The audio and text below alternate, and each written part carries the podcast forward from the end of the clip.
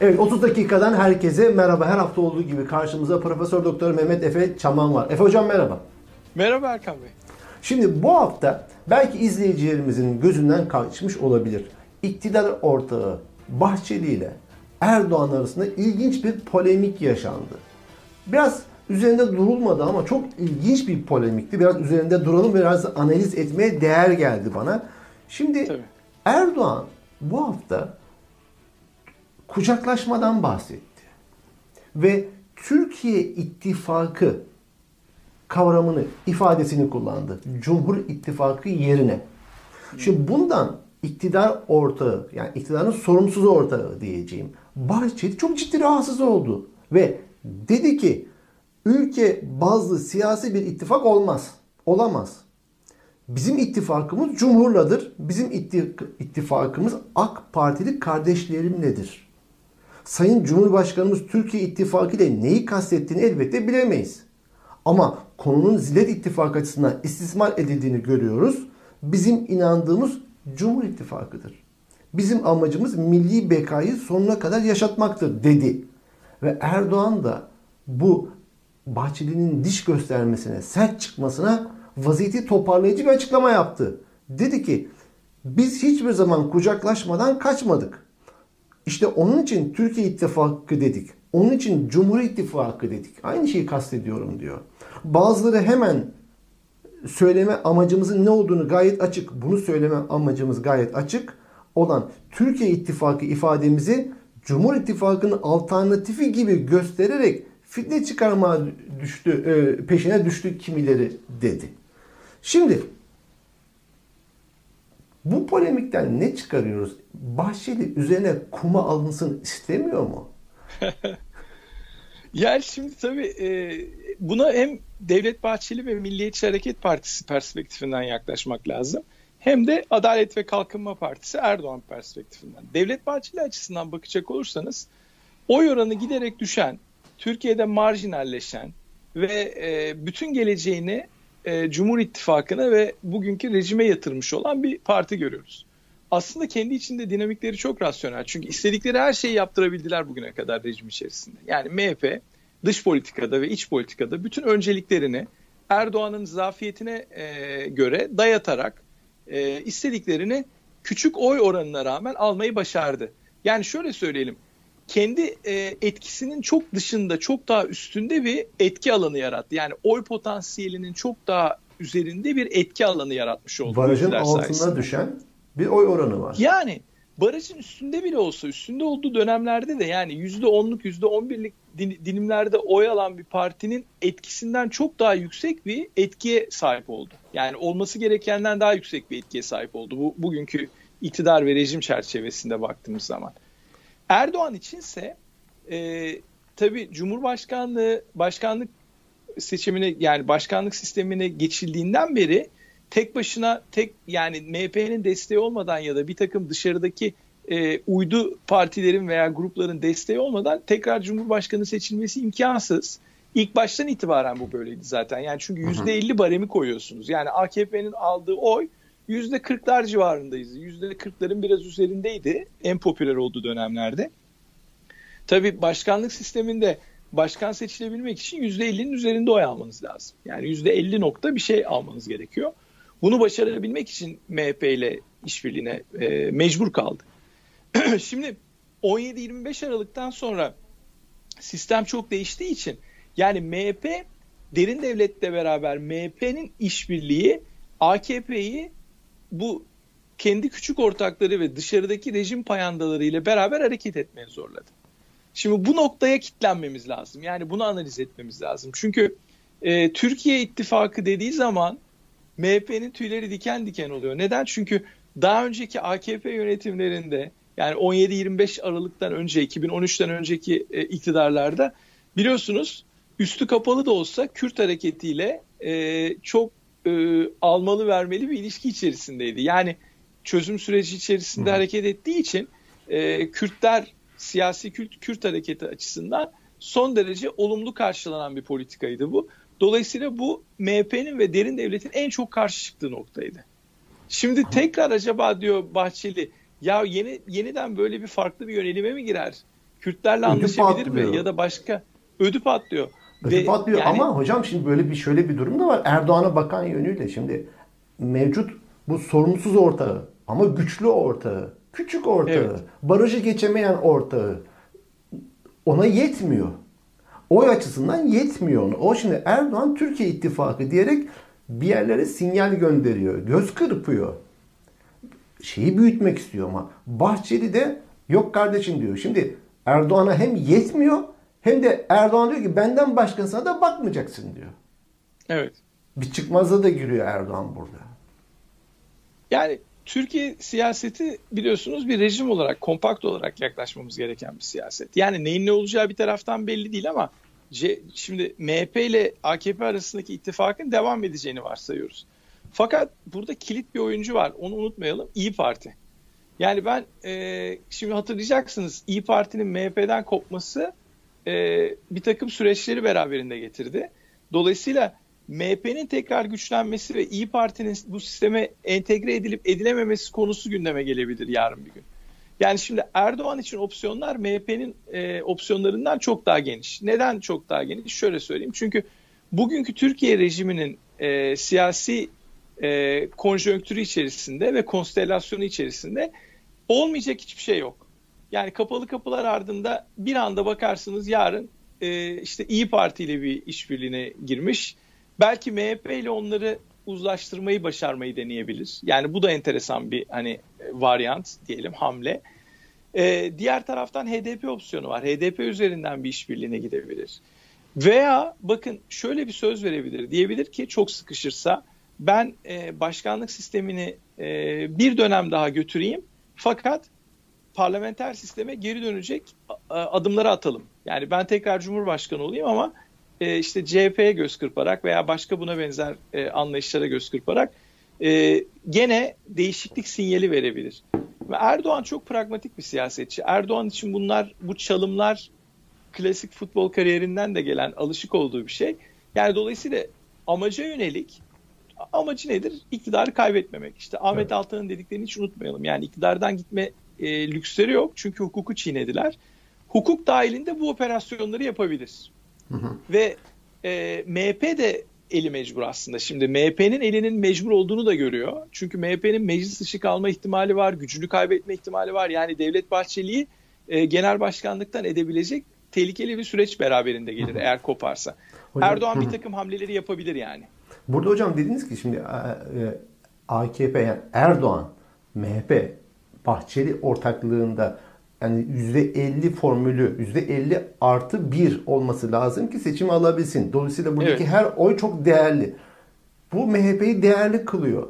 Değerli kılıyor ama ondan daha da değerlisi sanki e, bürokrasideki, devletteki kadroları MHP'nin kadroları. Çünkü MHP uzun yıllardan beri hep kadro hareketi olarak. Şimdi partiler çok fazla yoklar ortada. Yani şey olarak evet. oy oranı olarak ama devlet içerisinde çok kadroları ve güçlüler ki AKP bir kadro hareketi olmadı hiç. Geçmiş dönemiyle. Yani bir kadro yetiştireyim, bir şeyler yapayım. İşte yeni yeni işte Ensar Vakfı, Türk var bilmem ne işte buralardan bir şeyler topluyorlar veya AKP gençlik kollarını oradan buradan toplama gençlerle bir şeyler yapmak. Evet. Kadro değil bunlar. Yetişmiş kadro değil. Biraz da bunların bu mecburiyette var diye katılıyor musunuz bu test? Katılıyorum. Katılıyorum kesinlikle çünkü şimdi bakın Devlet Bahçeli'nin MHP içerisinde iktidarını devam ettirebilmesi için, genel başkanlık konumunu devam ettirebilmesi için e, insanların ağzına çaldığı balın o sistemin devam etmesi lazım. Yani e, MHP'nin sirkülasyonu, MHP'nin gücünü berkitmesi nasıl sağlanıyor? İşte MHP'nin dediğiniz gibi Türkiye bürokrasisindeki etkinliği. Yine asimetrik bir etkinlik bu. Yani oy oranına tekabül eden bir etkinlikten bahsetmiyoruz. Yani oy oranı %7'ler, %6'lar, %8'ler bandında olsun hadi diyelim. Egzajere edelim ama %10'un altında. Fakat Türkiye bürokrasisindeki etkisi çok daha üst seviyelerde. Yüzde olarak baktığınız zaman. Dolayısıyla MHP bunu kaybetmek istemeyecektir. Yeni yetişen işte ülkücü MHP sempatizmi olan kuşakların da tekrar devlette yer alması MHP açısından öncelikli bir strateji. Ve Erdoğan'ı yani koruyup kollayan dönmesi... kadrolar bunlar aynı zamanda. Bugün e tabii ki yani bunlar bunlar bugün itibariyle e, işte bir takım farklı çevrelerden boşalan kadroların yerine kendi yetiştirdiği kadrolar olmadığı için genellikle işte ülkücü camiadan kadroları yerleştirdi. Şimdi bir de şöyle bakmak lazım. Yani e, MHP oyunu çok akıllı oynadı. Nasıl akıllı oynadı? En az oyla en fazla e, elde edebileceği siyasi hedefi maksimize ederek yani çok minimum oranlarda oy alsa bile e, siyaset üzerindeki etkisini maksimize ederek çok büyük e, hale getirerek oyunu oynadı. Bunu da nasıl başardı? Erdoğan'ı köşeye sıkıştırarak başardı. Yani en zor dönemde Erdoğan'a e, arabanın dördüncü tekerleği olmayı kabul ederek yani arabanın yürümesini sağladı diyelim iktidar arabasının. E şimdi tabii e, bu gücün farkında. Asimetrik bir güç bu ama bu gücün farkında. Erdoğan'a sinyal veriyor. Diyor ki başka arayışlar içerisine girersen pişman olursun demeye getiriyor. Şimdi bir de, de MHP'nin şöyle bir ağırlığı var. Derin devlet üzerinde de MHP'nin bir ağırlığı var. Yani Türkiye'deki derin devlet mekanizması çok e, flu bir mekanizma. Çok net olarak ortada değil ama bu mekanizma içerisinde MHP her zaman bir rol oynadı. Neden? Çünkü MHP'nin siyasi misyonu reaksiyonel bir parti. Da ortaya çıkışı gereği işte ülkücü, Orta Asyacı, e, Turancı bir parti gibi gözüküyor ama aslında MHP'nin temel fonksiyonu 1980'lerden bugüne e, Kürt hareketi. E, hocam başlarsanız memnun olurum. Evet. Tamam. Yani MHP'nin Türkiye siyasetindeki en büyük özelliği şu. MHP çok e, reaksiyonel bir parti. Aksiyonel bir parti olarak başladı siyasete. Yani Orta Asyacı, e, işte pan-Türkist e, bir hareket gibi başladı ama 1980'lerden bu yana MHP'nin e, eğer bakarsanız izlediği stratejilere genellikle MHP Türkiye siyasetinde kendini Kürt hareketi karşısında konumlandırdı. Yani MHP kendisine şu görevi atfetmiş gözüküyor. Biz ne pahasına olursa olsun Türkiye'nin üniter devlet yapısını korumak istiyoruz. Kürtlere anayasal statü verilmesine karşıyız. Hatta e, Türkiye Cumhuriyeti'nin işte Türk üstünlükçü, Türk Türk e, Türkleri ırki anlamda tasavvur eden anlayışının da devam etmesini istiyoruz diyor bir bakıma. Ha bunu açıkça söylemiyorlar tabii. Onlara bakacak olursanız kültürel milliyetçilik vesaire ama Kürtlerin varlığını e, mümkün olduğu kadar reddetmek veya varlığını kabul etse bile onları Türk milleti içerisinde bir unsur haline getirmek. Böyle bir yaklaşımları var MHP'nin. Önceliğini bu, bu yapmış. Şimdi Erdoğan'ı bakın düşüne, düşünebiliyor musunuz? 2002'den 2013'lere kadar, 2014'lere kadar hatta Erdoğan'ın yürüttüğü çözüm süreci veya Kürtleri, Kürtler, Kürt sorununa işte siyasi çözüm bulma e, doğrultusundaki süreç MHP'nin ve derin devletin etkisiyle 17-25 Aralık 2013'ten itibaren tepe taklak oldu ve çok yeni bir süreç başladı. Türkiye'yi 1990'lara geri götürdüler. Askeri çözüm noktasına getirdiler Erdoğan'ı. Yani avuçların içine aldılar aslında. Şimdi liderlik nedir? Liderlik tabii ki lider olmak önemli. Erdoğan için lider olmanın farklı bir anlamı var. Bunu hepimiz biliyoruz. Bunun ekonomik bir beklentisi var. İşte hukuktan kaçmak var vesaire. MHP için liderlik illa başkanı kendisinin belirlemesi değil. Başkanın kendi avucunun içinde olmasını istiyor. Ve bakın Cumhurbaşkanlığı seçiminin devam etmesini istemesinin sebebi de bu. Çünkü daha az kişiyle meşgul oluyor. Yani parlamenter sistem olsa sistem çok daha kompleks biliyorsunuz. Koalisyon olacak bilmem ne olacak çok daha dağınık bir e, güç görüntüsü ortaya çıkacak. Şimdi Erdoğan'a yoğunlaşıyor bugünkü sistemde. Çünkü her şeyin Erdoğan'da başlayıp her şeyin Erdoğan'da bittiğini biliyor. Evet. Yani Şimdi, MHP açısından oyun çok belli. Belli. Şimdi Erdoğan açısından konuya tekrar dönersek. Şimdi şu bize aslında bu konuştuğumuz şeyler bize biraz da şunu gösteriyor galiba. Şimdi Erdoğan siyasete başladığı günden bu yana koltuk değneksiz yapamadı. Yani hem devlet içerisinde kadrolara ihtiyacı vardı hem toplumda daha fazla oya ihtiyaç vardı. İlk başta işte Gülen cemaati, demokratlar, liberallerle ittifak içerisindeydi. İşte daha sonra ortaklarını değiştirdi. Başka bir yere yanaştı. Sürekli bir yanaşma hali ihtiyacı içerisinde. Hem bu oy açısından hem de devlet içerisindeki pozisyon açısından hep böyle bir yerlere yamanma ihtiyacı. Şimdi Erdoğan şimdi mevcut yamanma ona yetmiyor. Yamayı kapatamıyor. Evet. Şimdi o zaman zor bir süreç giriyoruz o zaman Erdoğan açısından. E, MHP ile bu iş olmuyor. Tek başına MHP ile olmuyor. Dediğiniz gibi evet. İyi Parti veya birkaç şeyi içine alması gerekiyor. Zor Erdoğan için. Ya başka bir takım manevralar olamaz mı diye düşünüyorum. Yani biraz e, beyin jimnastiği yapalım. Yani şimdi MHP'nin dümen suyunda gitmeye hareket e, MHP'nin dümen suyunda hareket etmeye devam edecek olursa bu işin sonu HDP'nin kapatılmasına kadar varabilir.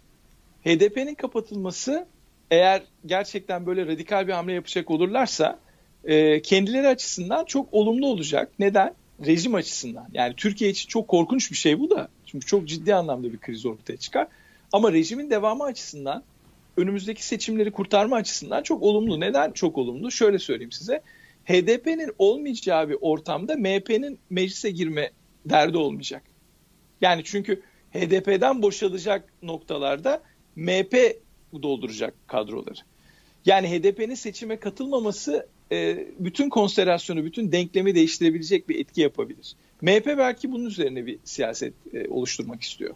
Ha ben şunu demek istemiyorum yani HDP katılmadığı zaman Kürtler gidip MHP'ye oy verecek anlamında söylemiyorum ama e, şimdi %11'lik bir kitlenin meclis dışı kaldığını düşünecek olursanız bir şekilde aritmetik olarak MHP'yi meclise soktuklarında aldığı oyla diyelim ki %10'a çıkardılar bir şekilde masa başında.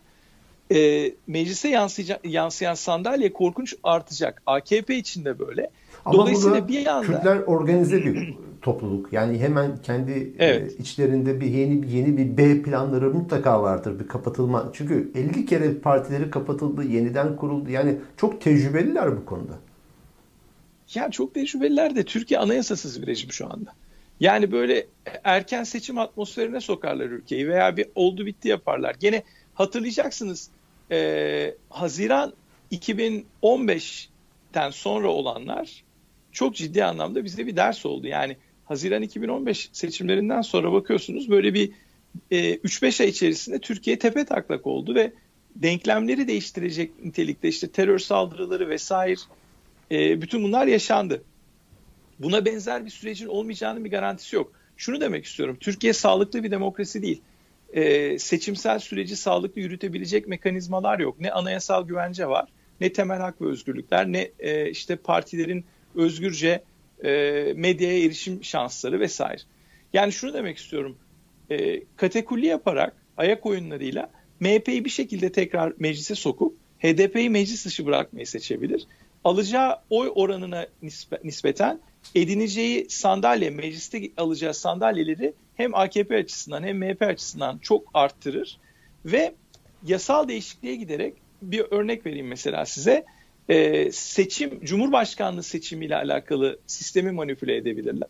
Ve bu seçim manipülasyonu üzerinden e, tekrar Cumhurbaşkanı seçilmesini sağlayabilirler Erdoğan'ın. Daha, daha da radikal yapabilecekleri kategoriler var. Yani onlara hiç girmiyoruz. Mesela e, masa başında Yüksek Seçim Kurulu bunların. E, Anadolu Ajansı tek ajans. Yani bu seçimler hakkında haber verebilecek eskisi gibi birbirinden farklı işte Doğan Haber Ajansı, Samanyolu vesaire gibi şeyler yok. Cihan Haber Ajansı gibi. Yani baktığınız zaman rejimin e, seçim dengelerini bozabilecek operasyon yapabilme kapasitesi çok yüksek gibi geliyor bana. Yani MHP belki de Erdoğan'a şu sinyali veriyor. Ya sen panikleme. Hani böyle oy oranımız düştü bilmem ne falan. Biz evvelallah MHP olarak oy oranına e, tekabül etmeyecek kadar güçlü bir yapıyız. Bürokraside vesaire iş bilen adamlarımız var. Güçlüyüz. Derin devlet biz, bizimle beraber hareket ediyor. Bu rejimin parçası. Bakın muhalefet bile rejimin dışında bir söylem ortaya koyamıyor. Hala FETÖ diyor. Hala 15 Temmuz diskurunu yıkamadılar. Yani bir türlü e, bunları başaramadılar. Dolayısıyla şuraya bağlamak istiyorum Erkan Bey. Hani bu böyle MHP ile AKP arasındaki dinamik o kadar güçlü ki aralarındaki bağ o kadar birbirine muhtaç bir noktadalar ki ve e, yola çıktıklarında bir takım kuralları, kaideleri, anayasal prosedürleri falan hiç takmadan e, ezip geçtikleri için bu noktadan sonra yapabilecekleri şeyler e, daha önce yaptıkları bugün yapabileceklerini ve yarın yapabileceklerinin de garantisini oluşturuyor veya onun sinyallerini veriyor bize. Evet. Bakın savaş kabinesi kuruyorlar. Yani savaş kabinesini tırnak içinde kullanıyorum. Bekir ee, Bozdağ'ın varlığı onun göstergesi. Be Bekir Bozdağ'ın alınması. E, daha daha da köklü hamleler yapabilirler. Şey yani Efkan Alay'ı yani, bekliyorum tekrar sahaya sürerler diye. Efkan hala döneminde hatırlayalım. Yani kır kapıyı gir al içeriden. Yani hukuk hukuk Tabii. tanıma böyle bu tarz bir e, mesaj veriyorlardı. E şimdi Süleyman Soylu bunu zaten uzun süredir yürütüyor ama e, bakın bir seçim olduğu zaman insanlar şey gibi düşünüyorlar. Sanki İngiltere'de veya İsveç'te seçim olacak. Seçim sonuçlarında işte biz önde gidiyoruz. Değiştireceğiz biz bu rejimi. Ya bakın hayal kurmamak lazım. Tabii ki ben bunu isterim. Yani bir insan olarak bir Türkiye yurttaşı olarak Keşke seçimlerle bu adamlar gitse. Amacımız temennimiz o ama böyle bir, bir şeyin olmayacağına da hazırlık yapmak lazım. Yani şimdi yağmur yağması beklenirken dışarıya şemsiyesiz çıkmamak gerekiyor. Yani bunları konuşmamız lazım demek tabii, istiyorum. Tabii. Evet her şeyi yapacaktır. Evet neyse e, programı hocam bağlarsak e, Erdoğan Bahçeli bana yetmiyor diyor. Kuma istiyor. Ama Bahçeli de buna çok kızıyor.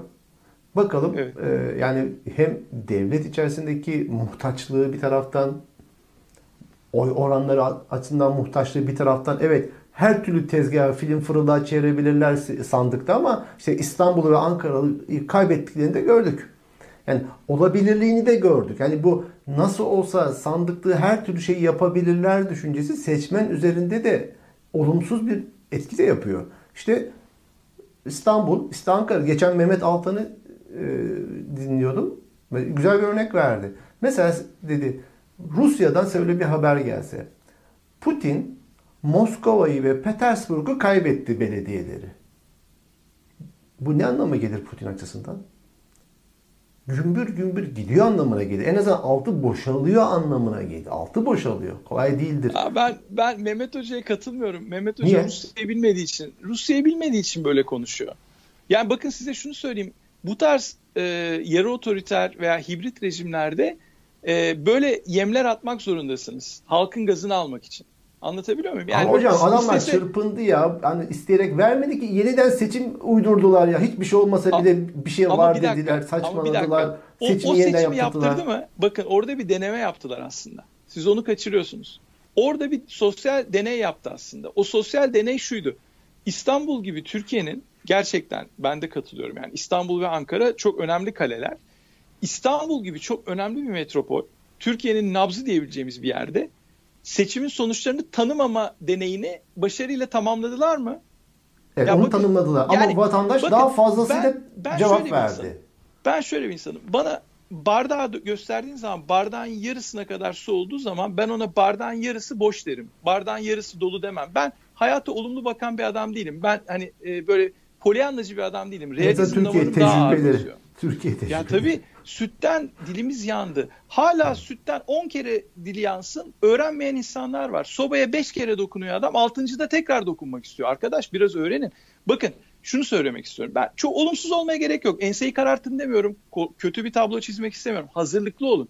Bakın şu muhalefet eğer rejimin retoriğinin dışına çıkmış olsa, rejime meydan okusa, bangır bangır dese ki kardeşim mesela geçen gün çıktı Cumhurbaşkanı yardımcısı bütün KHK'lıları terörist ilan etti. Ya, ya.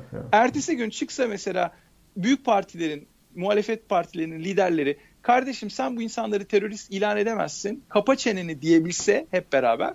Di, o zaman deriz ki evet ümit, ümitli olabilir. Diyemiyorlar. Demek de istemiyorlar. Yani. Bence menfaatleri de bu değil zaten. Dolayısıyla hayal kurmayalım. Türkiye'de kapalı kapılar ardında çok ciddi pazarlıklar yapılır bu ortamlarda. Ee, adam kazandı olur.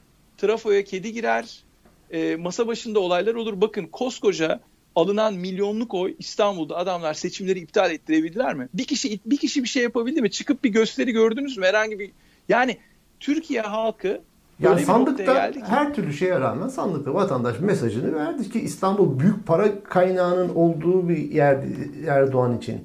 Vazgeçilmezdi. İstanbul'dan çıktı Erdoğan belediye başkanı olarak siyasi hayatında çıkışını. Onun kaybetmesi sembolik de bir anlamı da vardı. Ekonomik, e, duygusal evet. da bir anlamı vardı. Buna rağmen yani vatandaşın o öyle olmaz böyle olur diyerek daha fazla sandıkta tavır koyması karşısında ama bakın, daha da direnemedi öyle, ama. Öyle bir enteresan noktaya geliyoruz ki İstanbul'da seçimi e, Ekrem İmamoğlu kazanmadı. Şimdi ben çok böyle bomba gibi gündeme sokayım. İttifak kazandı. Kürtler tabii. olmadan, HDP'nin desteği olmadan bunun olması mümkün değil. değil Şimdi tabii. bu şartlar altında bakın, bu şartlar altında HDP'nin tekrar banko destek vereceğiyle ilgili bir garanti yok yani. Ee, Erdoğan'ın karşısına çıkacak aday noktasında. Tabii. Yani şunu unutmayalım, başkanlık seçimi e, oyları topla başkan ol mantalitesi üzerine kurulmuş. Böyle 3-5 partinin ittifakı illa aritmetik ittifak da o sonucu vermeyebilir. Bu birinci nokta. İkinci nokta da Erdoğan çok güçlü bir aday, çok karizmatik bir aday. Erdoğan her halükarda muhafazakarlar oy verirken veya MHP'liler oy verirken kendi gündemleri ve kendi beklentileri doğrultusunda oy veriyor. Yani adamlar sadece ekonomik sıkıntılara rağmen sadece başörtüsü meselesi üzerinden ya da sadece daha önceden e, Cumhuriyet rejimlerinin yaptığı rigid uygulamalar mesela işte dindarlara yönelik rigid uygulamalar hasebiyle bunu hesaba katarak Erdoğan'a tekrar oy verebilirler. Onlar açısından Erdoğan ehvenişer. Yani ülkeyi de batırsa her halükarda bizden bir adam olsun. Ya bu adam işte bizden adam. Sonuçta böyle bakıyorlar olaylara. Dolayısıyla karşısındaki grubu çok daha eklektik olarak görüyorum ben. Yani e, CHP'nin ve e, işte diğer ittifakın çıkarabileceği bir cumhurbaşkanı adayı Erdoğan kadar herkes üzerinde birleştirici olmayabilir. Anlatabiliyor muyum? Yani bu çok ciddi bir önemli bir nokta. E, dolayısıyla belediye seçimleriyle mukayese etmek bir noktaya kadar bize anlamlı gelmeli. Fakat şunu da unutmamak lazım. Bakın hem manipülasyon boyutu var hem Erdoğan'ın hala karizmatik bir lider olarak kendisini pazarlayabilmesi ve halkın bunu satın alması olayı var. E, ellerinde yapabilecekleri başka türlü kategoriler var. 2015 Haziran seçimlerinden sonra yaptıkları gibi Türkiye'yi karıştırabilecek. Yani bunların elinde malzeme bitmez. Dolayısıyla temkinli olmak lazım. Mesaj şu enseyi karartmayalım. Tabii ki bunlar gidebilir iktidardan ama gidebilmeleri için muhalefetin çok daha akıllı ve rejimin paradigması dışına çıkabilecek muhalefet yapması lazım. Buna Peki, şimdi başlamaları lazım artık. Hocam dikkatinizi çekti mi? Ee, Kılıçdaroğlu'nun e, bugün önemli bir açıklaması oldu. Ee, Erdoğan'a dedi ki Cumhurbaşkanlığı seçimleri için erken seçim yapılsın dedi ve eğer yüreği yetiyorsa mealinde karşıma çıksın dedi. Hmm. Karşıma çıksın ve ifadesini alayım mealinde açıklama yaptı Kılıçdaroğlu. Yani buradan ben şunu anladım. Kılıçdaroğlu Cumhurbaşkanı adayı olacak. Karşıma çıksın ifadesinden ben bunu anlıyorum. Bu siz de böyle mi anladınız? Bu ilk defa bu kadar bu netlikte evet. bir ifade kullandı. İki, aday olursa yeni bir Ekmelettin ve e, meselesi mi karşımıza çıkar? Yani şöyle yeni bir Ekmelettin e, olmaması daha hayırlı olur. Yani bence Kılıçdaroğlu'nun mertçe çıkıp ya ben bu partinin lideriyim ve en büyük parti de biziz AKP'den sonra. Hatta şu an bazı e, kamuoyu araştırmalarına göre AKP'yi geride bırakmış. Birinci parti olmuş CHP. Yani niye Kılıçdaroğlu aday olmasın? Tabii ki bence aday olabilir. Fakat Türkiye e, siyasi kültür açısından e, ya işte Cumhurbaşkanı Erdoğan'ın karşısında Kılıçdaroğlu var. Tabii ki ikinci tura kalacak böyle bir durumda. Yani öbür partiler de kendi adaylarını çıkarır muhtemelen. Fakat seçim ikinci tura kaldıktan sonra en yüksek oy alan Kılıçdaroğlu olacağı için Erdoğan'dan sonra muhtemelen Erdoğan'la Kılıçdaroğlu arasında oyun bitecek. Şimdi bu noktada İyi Partililer, HDP, HDP'liler belki evet destek olabilir, ehvenişer diyebilir ama İyi Partililerin reaksiyonu ne olacak? Çünkü dengeler çok değişiyor. Yani CHP'den bir adam bugünkü yetkilerle Cumhurbaşkanı olursa bize ne olur diye düşünecek çok adam var. Çünkü biliyorsunuz Türkiye'deki daha önceki sistemde e, çok da böyle temiz bir sicili yok yani CHP'nin. Kılıçdaroğlu da diyor ya helalleşelim falan. Aslında Toplum üzerinde muazzam bir travması vardır CHP'nin geçmiş itibariyle. Evet. Şimdi bunu evet. kaşıyacak kaşır Erdoğan ve bunda da çok rahatlıkla toplumu manipüle edebilir. Ama bakın ben CHP lideri Kılıçdaroğlu'nun, Sayın Kılıçdaroğlu'nun son e, bir yıllık performansını çok iyi buluyorum. Çok demokratik düşüncelere sahip, CHP'yi dönüştürmek isteyen bir lider. Dolayısıyla eğer CHP Kılıçdaroğlu'nun arkasında komple durup başkan adaylığını onaylarsa ve Kılıçdaroğlu da mesela Meral Akşener'le ve diğer partilerle işbirliği yaparak mesela onlara seçildiği takdirde e, Cumhurbaşkanlığı yardımcılığı veya kilit görev kabinede kilit görevler vaat ederek e, bu ilişkiyi güçlendirebilir, bu denklemi kurabilirse Kılıçdaroğlu bir oyun kurucu olabilir. Fakat bakın yeniden altını çizmek istiyorum. Önemli olan rejimin paradigmasının, rejimin diskurunun dışına çıkmak. Bu diskurun iki tane dayanak nokta, üç tane dayanak noktası var. KHK'lılar, Fethullah Gülen e, cemaati konusundaki FETÖ iddiaları ve 15 Temmuz söylemi. Bu üç tane söylemi kendilerine göre tanımlamaları lazım. Yani bugünkü rejimin o yeni kapı ruhu dedikleri ruha göre tanımlarlarsa Erdoğan'dan hiçbir farkları kalmıyor. O, onun mesela hiçbir kıymet harbiyesi yok. Rejim değişikliği olmaz o. Yani iktidar evet. değişse bile rejim değişmemiş olacak. Evet. Dolayısıyla bence ya Herro ya Merro siyaseti yani gündeme gelmeli artık karşısına balyoz gibi çıkıp farklı söylemlerle, farklı diskurlarla eğer çıkarsa ben Kılıçdaroğlu'nu desteklerim ve Kılıçdaroğlu'nun da şansını yüksek bulurum. Tekrar parantez açıyorum. Ee, seçim sistemi adil bir şekilde işletilirse eğer. Hala hı hı. çünkü rejimin elinde o seçim sistemini adil işletmeme kartı var ve de bahsettiğim o Türkiye'yi tekrar kaosa sürükleyici yani 15 özür dilerim Haziran 2015 seçimlerinden sonraki kaos planını tekrar devreye sokma kartı hala bu rejimde var. Çok kirli bir rejimden bahsediyoruz. Dolayısıyla e, muhalefetin akıllı olması ve çok basiretli olması, çok öngörülü olması lazım. Şu aşamada top muhalefette olduğu sürece oyun kurucu olabilir. Ben Kılıçdaroğlu'na bu anlamda hani soru, sorduğunuz sorunun net cevabı bence evet aday olacaksa CHP lideri aday olsun ya Herra ya Merro desin yani bir kere bence. Peki. ne olacak göreceğiz. Peki yayınımızın sonuna geldik. Mehmet Efe Hocam haftaya tekrar görüşmek üzere. Görüşmek üzere Erkan Bey. Sağ olun.